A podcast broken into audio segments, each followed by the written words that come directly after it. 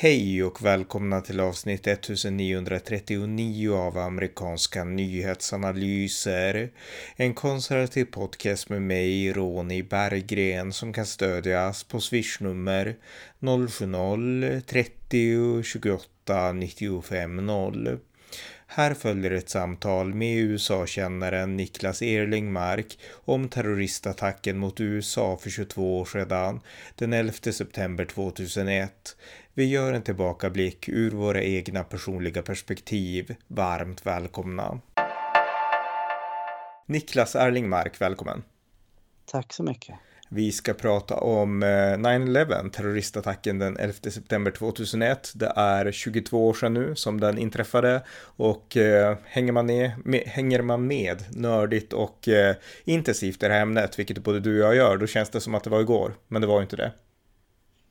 Nej, extra mycket känns det så för mig, för jag har legat febrig och tittat på hur mycket eh, små klipp och filmer och, och sånt eh, som helst här de senaste dagarna. Så för mig har det väckt mycket minnen och i och med vad som precis också just nu sker i Marocko där människor eh, där de letar i, i vraken efter massa fallna byggnader och sådär så, så känns det ju extra verkligt även mm. av det skälet. Så ja, absolut.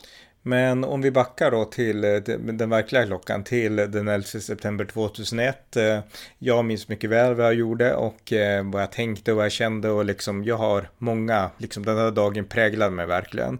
Vad har du för minnen av den dagen och det som hände där då och då? Ja, jag tror ju såklart att den präglar väldigt många av oss på olika sätt. Jag har hört så många historier om hur den präglade människor som, som var där och som, som hade en speciell Eh, eh, tro på vad livet gick ut på och som, som eh, under 11 september-attentaten bara helt eh, fick sig sin första tankeställare nästan.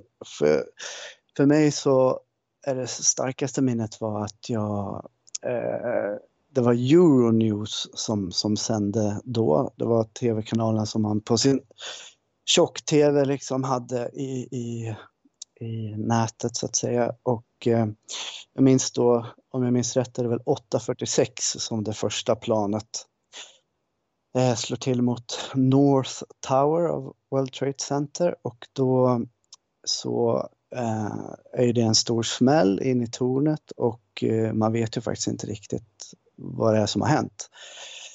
Eh, och det dröjer 17 minuter tills nästa plan kommer och eh, då visar ju alla nyhetskanaler det här direkt sent. Och eh, jag satt och tittade på, på det och rätt häpen och förvirrad som säkert många andra och när det andra planet kom då det är svårt att beskriva men det förändrar ju precis allting. För då var det ju verkligen ingen olycka längre utan då är det så tydligt för att planet kommer där i hög fart. Om jag minns rätt var det 950 kilometer i timmen. Och det, det, ser så helt enkelt uttänkt ut. Den, planet smäller in i södra tornet där då, eh, jag tror det är tre minuter över nio. Och eh, ja, då, då förändrades ju världen helt enkelt. Och det, det kände man faktiskt ganska på en gång att eh, det var ändå New York, det var eh, så inför tv-kamerorna och det blev ju en sån eh, bara desperat förvirring och kaos och man visste ju inte vad som skulle hända härnäst också. Och den känslan minns jag ju väldigt väl att eh, att man börjar direkt spekulera och tänka tusen miljoner tankar i sekunden om vad som kunde hända näst, vilket mål var härnäst och hur kunde de ta de här planen, vilka var det och, och så vidare. Och sen så började ju såklart spekulationerna i, i media också. Men då får man ju också tänka på att det här var ju ganska långt före sociala medier så att det gick ju mer långsamt och det hann inte heller bli samma spekulationer som det hade blivit idag. Idag hade det ju blivit extremt mycket olika teorier och konspirations... Ja, ganska långsökta grejer kan man väl anta och eh, det hade ju helt enkelt varit en helt annan grej. Då satt man ju ganska tålmodigt ändå och bara väntade på vad som skulle hända härnäst. Mm. Och sen, eh, sen, sen var det eh, såklart hela förutom förvirringen så var det ju när tornen började falla då, som, som nästa kapitel drogs igång, eller vad man ska säga. Och det, det var ju ja, verkligen gastkramande. Vad säger du själv? Eh, ja, nej men alltså vi ska hoppa till, alltså jag, jag, skulle säga att mina minnen då lite kort, det var dels så, eh, jag satt på bussen eh, från, jag var på väg från universitetet där jag pluggade statsvetenskap och eh, jag satt på bussen från Umeå till Örnsköldsvik där jag bor och bodde. Eh, och eh, jag hörde på radion i bussen. Det här var innan det fanns som du sa smartphones och sociala medier. Så på bussen fanns det inte internet, vilket vi är vana vid idag. Utan man fick lyssna på radion och de berättade om att det hade hänt någonting i USA. Sen kom jag hem och jag åkte med min pappa i våran bil och till, hem till där vi bor då, eller bodde. Och då fick jag höra ännu mer och sen så eh, ja, insåg man nu har det hänt något stort. Så att så fort jag kom hem så startade jag datorn och satt mig och tittade på internet och sen så eh, startade CNN. Jag hade en granne som, jag hade inte CNN själv eller mina föräldrar, men en granne hade CNN. Så att jag gick dit och tittade och då kunde man se alla de här bilderna på tornen som föll och så. Men sen var det väldigt ja, mycket på, på internet också. Jag menar, även om det inte fanns sociala medier så fanns det definitivt mm. olika forum, olika chattforum. Mm, mm. Jag hade ett forum som hette IRC, det var det här chattprogrammet som du kanske minns på den tiden. Ja. Och där spekulerades det mycket om vem kan ha gjort mm. det och vilka sådär. Och bara mm. några dagar efter, det här var på en tid när jag studerade högerextremism på universitetet då. Mm. Och bara några dagar efter så fick jag ett e-mail, ett nyhetsbrev av National Alliance, det är den här vitmaktorganisationen som fanns i USA, grundad av William Pierce som har skrivit Turner Diaries. Och han skrev då i sitt brev att the Jewish cause is not America's cause. Och det han menade då det var att de här muslimska extremisterna, eller muslimerna sa man kanske bara, de har gjort det här för att USA stöder Israel. Det är därför det här har hänt. Mm. Och eh, så att jag menar, det spann igång ganska snabbt konspirationsteorier från liksom det hållet redan då till exempel. Så att det kom jo, teorier verkligen. på en gång, det gjorde det verkligen. Abs absolut, jag var också på olika fora och leta och så. Jag var, på den tiden jag var 19 år, du är väl tre år äldre än jag eller något liknande. Mm, jag var 22. Så, ja, och eh, jag var lite inne i, i det konspiratoriska då. Det var ju lite före Alex Jones, men det var ändå de typerna liksom som, som ganska direkt började med alla möjliga olika teorier. Så, att, så jag satt också och, och tänkte på, ja, vad som kunde stämma och så. Där. Det, det spreds så... ju bland, bland den kristna högern så spreds det också en del, det var ett klipp, det var ju liksom det här molnet som, som kom från tornet som såg ut som en djävul ungefär, alltså så här något ansikte, ah, det. minns ja, du det? Det var en sån här bild som spreds ah, ganska mycket på internet. Mm.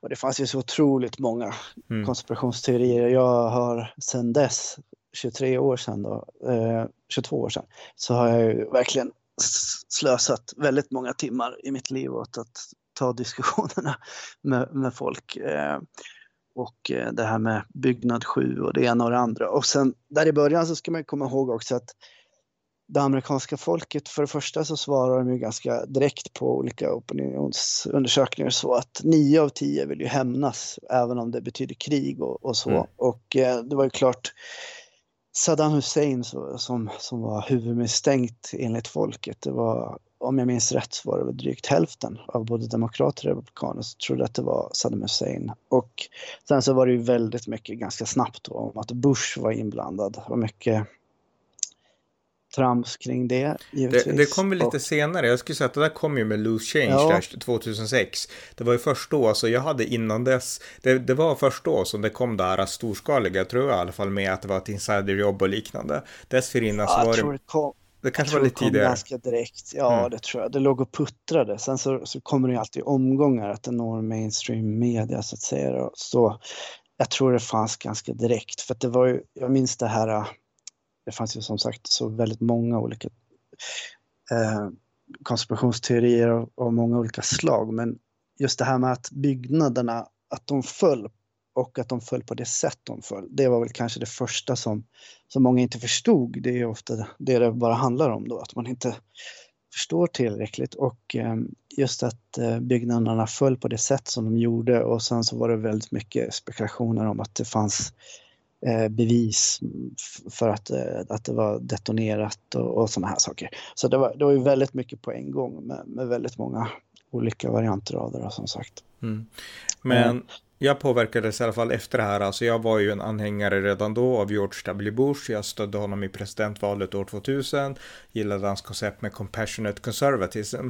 Men efter 9-11-attacken och då blev ju utrikespolitiken det stora fokuset i USA. Och jag blev ju där och då genast en, eller jag var ju redan som sagt en Bush-anhängare, men då blev jag ännu mer en George W. Bush-anhängare. Så att jag har varit påverkad så väldigt mycket kan jag säga. Ja, jag, jag skulle säga så här, jag, jag var ganska kluven. Jag följde valet jättenoga eh, mellan Bush och Gore och eh, det var väl det första valet som jag följde riktigt noga, även om jag följde dem tidigare också, men jag var ju hyfsat ung då. Men eh, jag gillade Bush och eh, jag tyckte han gjorde mycket bra under, efter september och efter, men också en hel del eh, lite dåliga saker.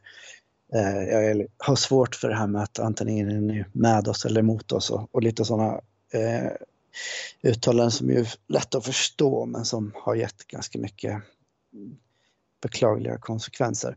Men jag ska säga att den som, det som jag eh, för att precis som du, jag, du, du sa att du, eh, din berättelse där med, med, bussen och din kompis som hade CNN, samma sak för mig. Jag minns jättetydligt hur jag satte mig på en buss till en kompis som hade kanaler.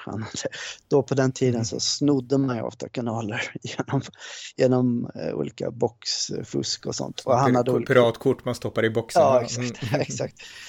Så han hade olika tv-kanaler. Så jag åkte dit och så satt jag en vecka i sträck så som jag minns det och bara bara, bara glodde hela tiden. Mm. Och eh, den som eh, vad ska jag säga, den, den som hänförde mig mest av alla, det var faktiskt Donald Rumsfeld. Jag tyckte han var, jag tyckte han var fantastisk. Han var cool då? Han var, ja, alltså, han var, jag tyckte han var karismatisk och han var så säker på allt. Nu är jag ju lite äldre, men när jag var 19 så, så ja, men då jag verkligen gillade hans eh, tvärsäkerhet på ett sätt som jag nog inte skulle göra idag. Jag skulle säga eh. tyvärr, alltså så här i efterhand, jag var också en fan av honom, men han var ju den svaga länken, alltså när det gäller utformningen av båda krigen, både Afghanistan och jo. Irak som blev konsekvenserna av 9-11-attacken, så var det, alltså Donald Trumps, Rumsfelds eh, tänkande var helt präglat av kalla kriget och Sovjetunionen och det passade inte in på de här krigen i, liksom, i den muslimska världen. Så att eh, han var den svaga länken tyvärr. Och det är väl lätt att tycka att han kanske var lite väl svartvit och onyanserad och lite förenklad bild väldigt mycket. Hans tvärsäkerhet blev ju liksom hans argument väldigt många mm. gånger. Liksom. Och eh, ja, och så ledde ju det till the war on terror och eh, att, att Irak eh, helt enkelt på något sätt blev jag vet inte om man ska säga att de i, i amerikanska folkets ögon på något sätt blev skyldiga men det, det blandades ju ihop ganska mycket där Mm. Det, kan man ju lätt säga. Det gjorde det. Alltså, först var det ju såklart då huvudmålet Afghanistan, men sen blev det en sammanblandning utan tvekan. Och eh, argumentet med Irak då som USA invaderade den 20 mars 2003, det var att man ville röststörta diktatorn Saddam Hussein, men det var också, det fanns lite grann, inte enbart, men man var rädd för att eh, Saddam Hussein dolde massförstörelsevapen och att de skulle kunna hamna händerna eh, på till exempel Al-Qaida. Så att det var ju liksom, eh, man tände på gränserna, det gjorde man, håller jag med om. Ja, och hela, hela biten med The Patriot Act, den öppnade upp för så väldigt mycket. Det minns jag starkt att jag i mitt mer konspiratoriska sinne då som 19-åring som sagt så, så minns jag hur det kändes som en liksom, Tom Clancy-novell eller något liknande. Mm. Av att liksom öppna upp för så väldigt mycket som, som kanske inte kommer bli så bra i det långa loppet.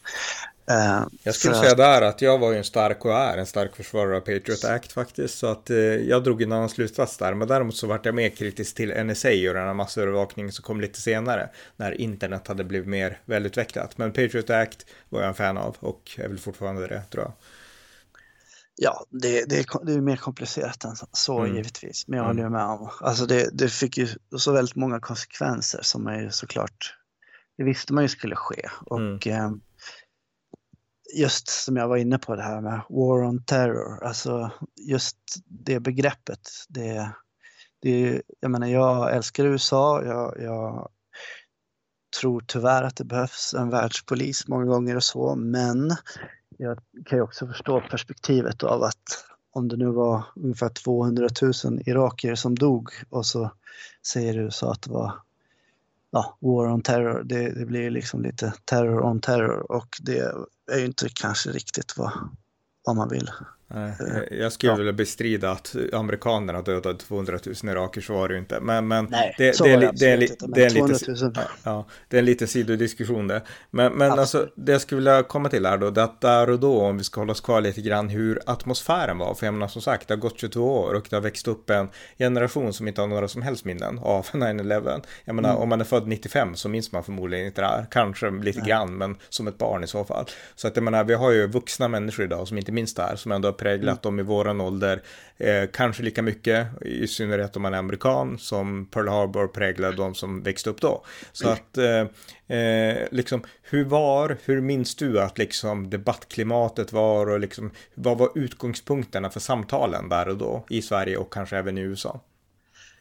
Det första, det första jag tänker på när du ställer frågan är hur panikslaget det var. För att eh, det var ju hela tiden samma typ av eh, konsekvensanalysen var ju mycket att vad ska hända nu? Vad ska USA göra nu? I Sverige kanske det handlar mycket om också eh, just att det var Bush och att det inte var Al Gore. Jag menar, de där 537 rösterna gjorde ju mm. faktiskt ganska stor skillnad där för det är klart att eh, vare sig det, man tror att det hade blivit bättre eller sämre så, så hade det blivit annorlunda om det hade varit Gore än Bush. Och eh, den diskussionen var väl ganska Eh, vanligt förekommande. Och sen, eh, nej, jag, det starkaste som, som jag tänker på är ju helt klart vad, vad som kunde hända näst och sen, sen var det ju det här vanliga att, att man fick ju faktiskt fram mer information Eh, vad jag minns det så, så, så, kom det inte fram så där direkt eh, att man förstod att det var fem kapade plan och att, eh, ja, att de hade tänkt att också köra mot Vita huset och Kapitolium. Och, eh, minns inte att, ja då i alla fall, så det här med, om du minns Flight United 93 där, mm. eh, hela den historien och, och sånt där. Det, liksom, man fick ju lära sig mer och mer. Sen så som jag minns det, och det tror jag faktiskt att jag minns ganska fel, men, men då var det liksom ändå att det övergick till att bli Rumsfeld som, som stod och planerade för, för någon typ av hämnd eller vad man nu ska säga. Så var det ju inte som sagt, men det, det känns så i filmen i mitt huvud.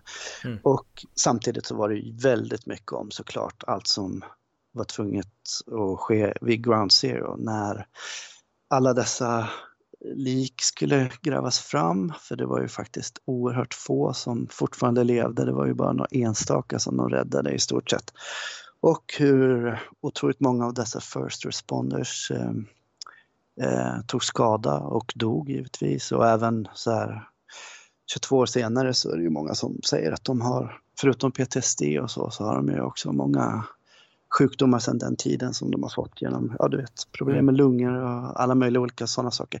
Så att man följde ju det arbetet väldigt nära i alla fall. Alltså man satt ju hemma och, och eh, ja, försökte ta in mm. just mm. det där. Men det var, det var bra att du nämnde just vad som hände direkt efteråt, för tornen rasade och det blev ett enormt räddningsarbete där och även mm. vid Pentagon. Men eh, alltså så här nu 22 år senare så är ju den politiska bilden helt annorlunda, men där och då så var Rudy Giuliani ett känt namn. Han var ju då ja. guvernör i, i, eller var han borgmästare nu? Han var ju borgmästare såklart i New York City, ja. precis. Och han var ju nationens stora hjälte då efter mm. George W. Bush, därför att han var... Han såg handlingskraft ut. Ja, han var borgmästare i staden där allt hade hänt och han var liksom, mm. han var liksom, han vart eh, America's mayor som man sa då. Mm. Och idag så är han mer en stolle och en sån här konstig person som har backat upp Trump vid helt fel tillfällen. Men, men där och då var han verkligen en hjälte. Och det är kanske alla som, alltså är man lite yngre så minns man inte det, men det var verkligen så då. Mm, verkligen. Ja, hans, hans öde är ju fantastiskt på så många sätt. Jag menar, han var älskad och han var ju förhandsfavorit och, och eh, bli näste, alltså det vill säga inför 2008 att, att det var han som skulle ställa upp eh, och eh, utmana vad, vad, man då trodde var Hillary Clinton ju, mm. som sen blev Obama. Och eh, han var ju så himla älskad. Sen har det väl sakta gått ut för som du, som du mm. säger. Ja. Och eh, en av de här stora scenerna där, det var ju när George W. Bush då besökte Rudy Giuliani och de stod på alltså resterna av World mm. Trade Center där i New York City och Bush ropar mm. i sitt, han, han lånar en, vad heter det för något, bull, bullhorn? Megafon va? Megafon säger man, ja precis. Och så ropar han att eh, eh, ja, liksom, jag kan inte höra er, säger han till arbetarna. Men, eh, eller ni kanske inte hör mig, men jag hör er och eh, resten av världen hör er och eh, de som har gjort det här, de kommer att höra er ungefär. Och det var ju liksom jubel och applåder och det var ju en av Bush absolut mäktigaste stunder mm. i hans presidentskap. Ja, och det var ju helt spontant också, uh, har han ju i alla fall själv sagt efteråt. Ja, det, det var spontant, men här har vi en skillnad. Jag ja. menar, tänk om Al Gore hade varit president. Han hade inte kunnat ja. göra det där spontant. nej, nej, nej, nej, men där är jag helt med dig. Alltså, Bush, Bush är ju och var uh, mer mänsklig på väldigt många sätt. Uh, jag tycker att han, ja det är en diskussion i sig, men han, han, är, ju, han är ju en god gubbe liksom. Sen kan men, man men, men det är intressant. Att han är klumpig och så, men det kan ju också behövas en, en ja. god gubbe i en sån situation, för han var ju väldigt human och han sökte ju trots allt upp eh, Alltså han åkte till Ground Zero och han, ja, han, han helt enkelt framträdde empatisk tror jag. Ja, men jag tycker om vi håller oss kvar vid det här ögonblicket lite grann, därför att man tänker mer på Bush, då tänker man på det som hände sen, krigen, där man kan tycka politiskt olika då.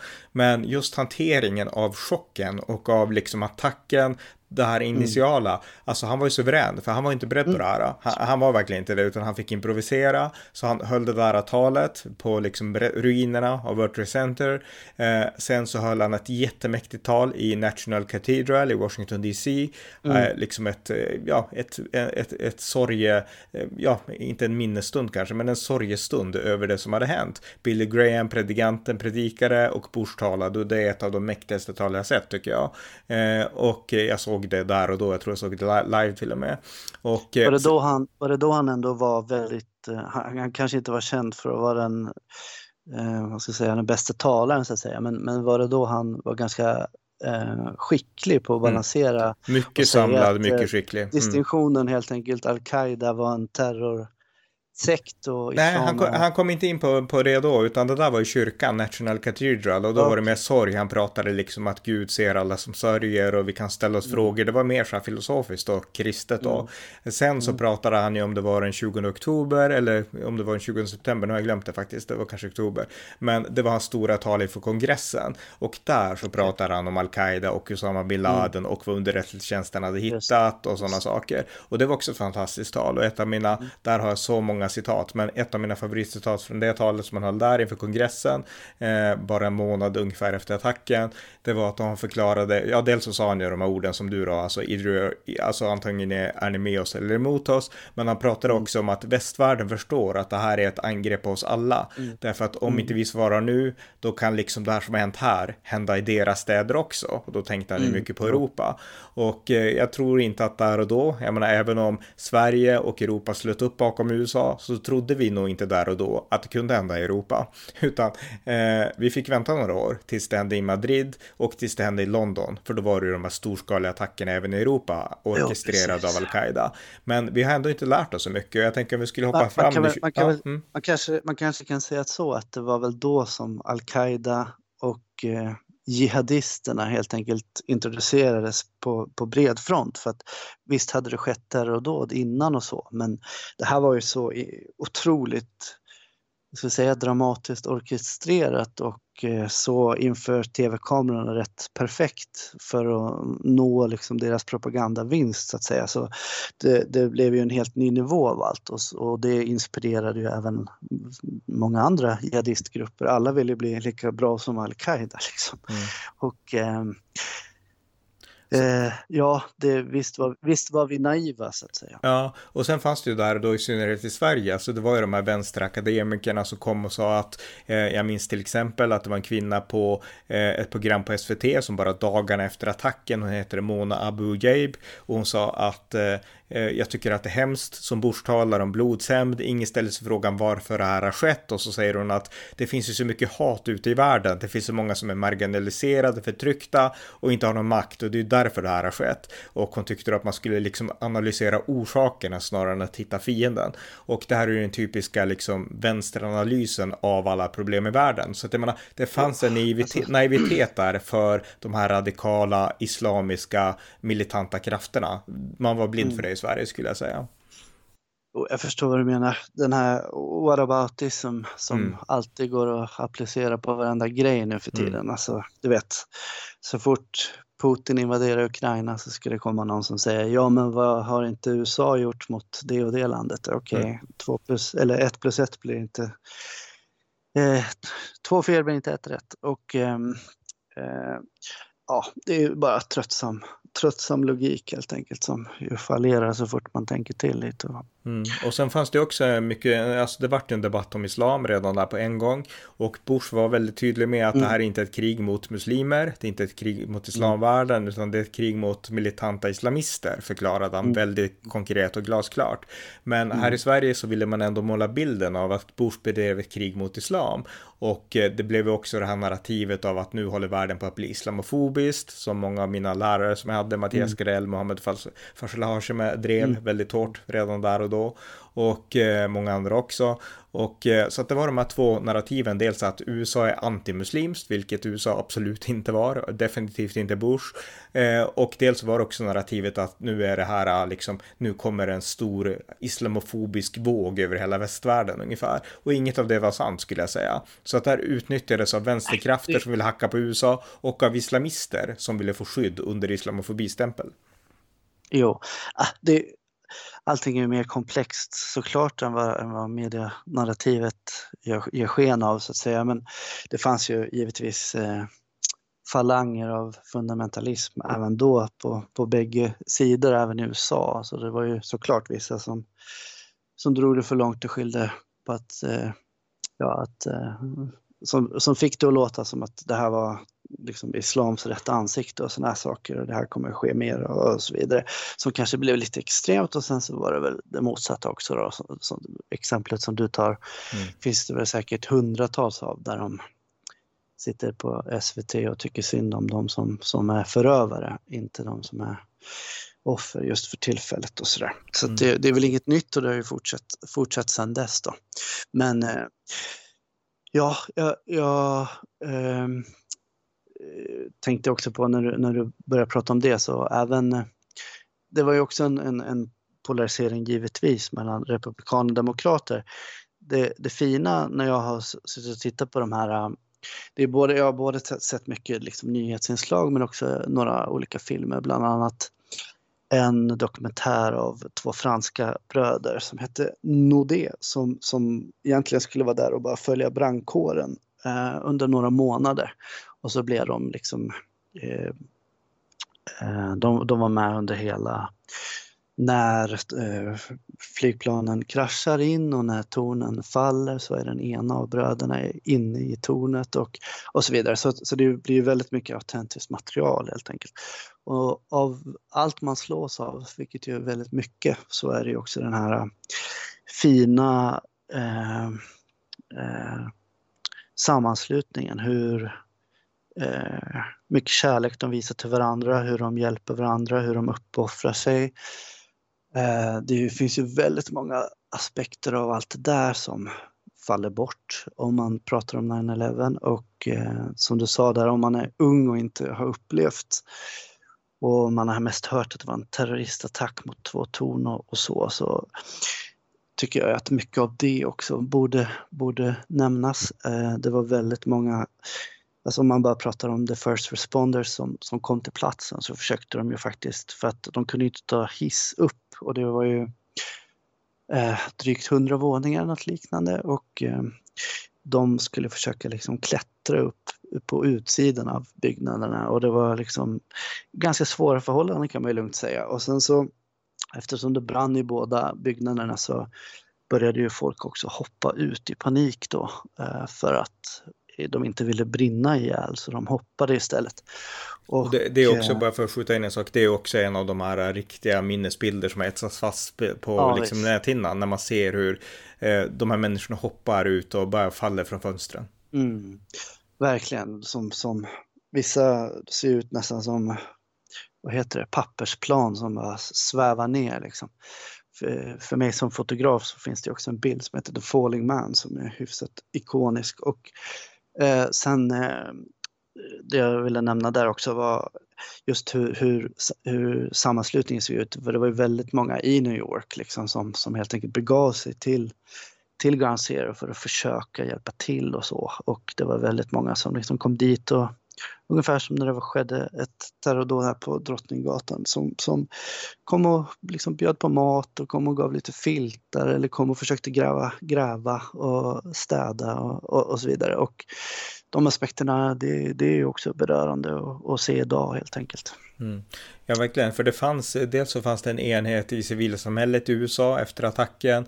Men det fanns också, vi kan ju påminna om det också, då, det var också en politisk enhet som höll i sig i alla fall två mm. år ungefär. Skulle, så, skulle ja. Komma till den, mm. precis, mm. exakt. Och den, var, den är vacker att se och eh, med, med backspegeln så, så blir det ju extra hjärtskärande för att uh, här var de ju verkligen ett lag på ett sätt som man sällan ser nu för tiden, helt klart.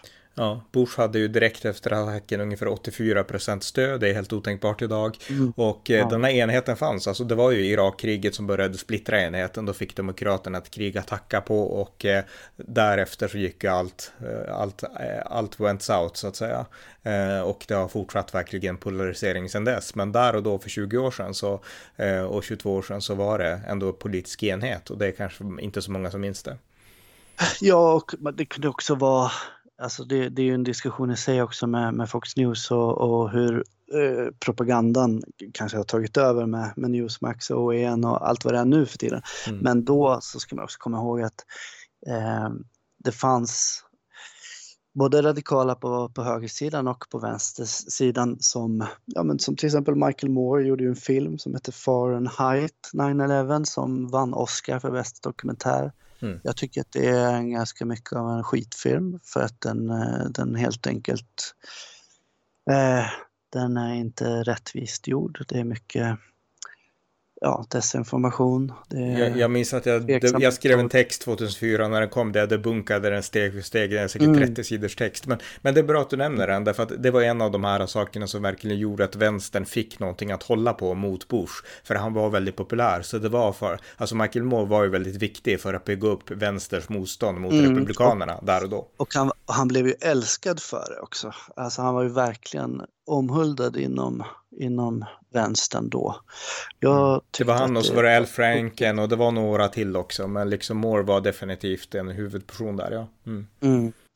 Nu skulle jag säga att det, att det är mycket mer vanligt förekommande på högersidan då, men man ska inte glömma att, att det ändå var ganska, ja det var inte riktigt ifrågasatt ens. Han vann sin Oscar och eh, jag minns inte många som överhuvudtaget visste att, det, att den filmen var ifrågasatt på det sättet. Nej. Nej, så var det. Och den sändes ja. på svensk tv också så att, eh, och så. Men eh, ja. Nej, men jag det var... skulle säga, mm. Eh, om jag avbröt dig så fortsätt, men annars vill jag bara säga att eh, för den som inte var med eller för den som var med så tycker jag ju att eh, museet, jag vet inte exakt när det öppnades i New York, men många går bara till minnesplatsen i New York. Den är mm. ju eh, mest känd för, för att den är lätt att känna igen. Men jag tycker museet är jättebra. Har mm. du varit där? Nej, jag har inte varit där. Men det är ju där under hela själva Grand Zero. Exakt. Alltså museet där. Mm. Nej. Och jag förstår ju att en turist som åker till New York i några dagar vill liksom maximera sin tid med mycket annat och så. Mm. Det, det, förstår jag verkligen. Men det, det, är ett sånt där museum som jag, jag brukar verkligen jättesällan eh, bry mig om museum. Jag brukar bara säga att man kan kolla på Google liksom. Mm. Men det är ju väldigt, väldigt välgjort. Det, det är liksom... okej, okay, för jag har ju varit på många museum, ja. men inte det alltså. Men det är mäktigt alltså. Det är liksom, ja, jag, jag, okay, jag, tyckte, jag mm. tyckte det var väldigt mäktigt. Jag tyckte, jag var där kanske, jag och min fru var där kanske fyra, fem timmar och eh, och då skulle jag ändå velat vara lite längre för att det fanns liksom så många olika sektioner där man verkligen kunde djupdyka. Och eh, det är klart, vissa bitar var väl kanske inte så givande på alla sätt men, men det fanns väldigt mycket videomaterial, det fanns mycket eh, autentiska bitar man kunde sätta sig ner och bara liksom insupa så att säga.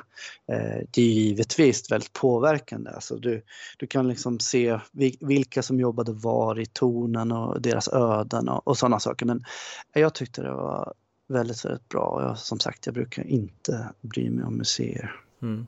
Och eh, en intressant sak med just det, om vi gör en passus till alltså presidentvalspolitiken. Eh, minns du 2016, då var det Ted Cruz i en primärvalsdebatt mot Donald Trump som försökte på något sätt sätta dit Donald Trump genom att säga att det kommer inga konservativa från Manhattan. Och då sa Donald Trump att ja, du har fel, tänk på William F. F. Buckley. Och sen sa han, jag tycker att det där är väldigt oförskämt av Ted Cruz att liksom hacka ner på liksom eh, människor i New York, New York liberals, eh, för att mm. New York, vi var hjältar, 9-11 attacken. Jag minns dagen, jag minns röken, tornen föll och vi samlades som en man. Och eh, Trump, han vann ju hela liksom, primärvalsdebatten mm. på grund av hur mycket han hypade 9-11. Minns du det? Ja, jag minns det mycket, mycket väl. Han är ju väldigt snabb i tanken i sådana situationer. Sen så vill jag ju gärna lägga till att Trump själv har ju sagt att han, han var nere och grävde fram folk. Han har ju försökt göra sig till en hjälte där. Mm. Så, att, så Trump är ju Trump trots allt. Mm.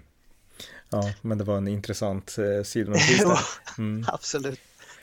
Men om vi ska börja avrunda lite grann, alltså som sagt det har gått 22 år och eh, tiden går snabbt om man säger så. Och eh, finns det något, eh, vad ska man säga så här 22 år senare om det här och liksom om framtiden? Nej, men det är människor som pratar mycket tycker jag. Det säger väldigt mycket om USA, det säger mycket om den tiden som var då. Det har jag tänkt på många gånger eh, nu när jag har sett så mycket material här de senaste dagarna. Att det, det, på något sätt så föddes ju nästa nivå av konspirationsteorier. På något sätt så, så blev världen ja, förändrad vad gäller då eh, terrorgrupper och, och, så vidare. Och ja, det, det, det, var mycket som förändrades. Praktiskt så blev det ju liksom en helt ny flygbransch. Det blev nya regler där. Det blev Eh, självklart dominoeffekter av det också. Och sen eh, som du är inne på där, det, det, blev ju liksom fel på båda sidor givetvis att, att eh, eh, för att lägga till det som du inte tar upp så är det klart att, att vara muslim, eh, även om man var en, en eh, sekulär muslim så att säga, alltså en mer traditionsbunden muslim som kanske inte riktigt eh, ha åsikter som var så nära jihadisterna så var det ju inte lätt att vara en muslim de här åren för att det är klart, man blev misstänkliggjord i väldigt, väldigt mycket och eh, det blir en ond cirkel av att gå runt och bli misstänkliggjord också. Så det, det skadade ju givetvis också. Jag skulle säga så här då att jag kanske i viss mån och kanske då i USA mest och mer, men jag menar det som vi reagerade mycket på att vi vill inte stigmatisera muslimer och då öppnade vi upp mm. för allt ännu mer för islam Absolut. och vi gjorde det väldigt naivt skulle jag säga därför att det som jo, hänt sen det blir, dess. Som sagt, det, ja, det blir mm. fel. På, det blir mm. fel.